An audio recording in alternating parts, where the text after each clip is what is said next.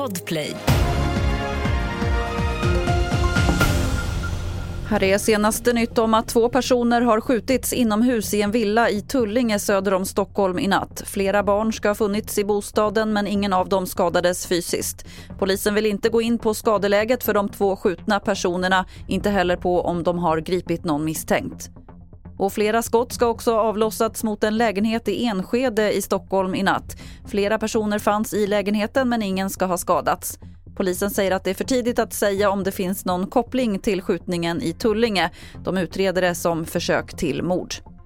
I natt landade ett flygplan med svenskar som lyfte från Tel Aviv i Israel sent igår kväll.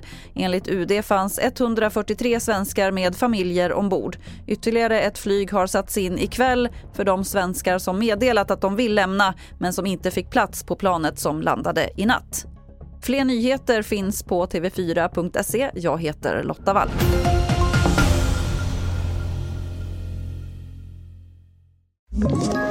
Ett poddtips från Podplay. I fallen jag aldrig glömmer djupdyker Hasse Aro i arbetet bakom några av Sveriges mest uppseendeväckande brottsutredningar. Går vi in med hemlig telefonavlyssning och, och då upplever vi att vi får en total förändring av hans beteende. Vad är det som händer nu? Vem är det som läcker? Och så säger han att jag är kriminell, jag har varit kriminell i hela mitt liv men att mörda ett barn, där går min gräns. Nya säsongen av Fallen jag aldrig glömmer på Podplay.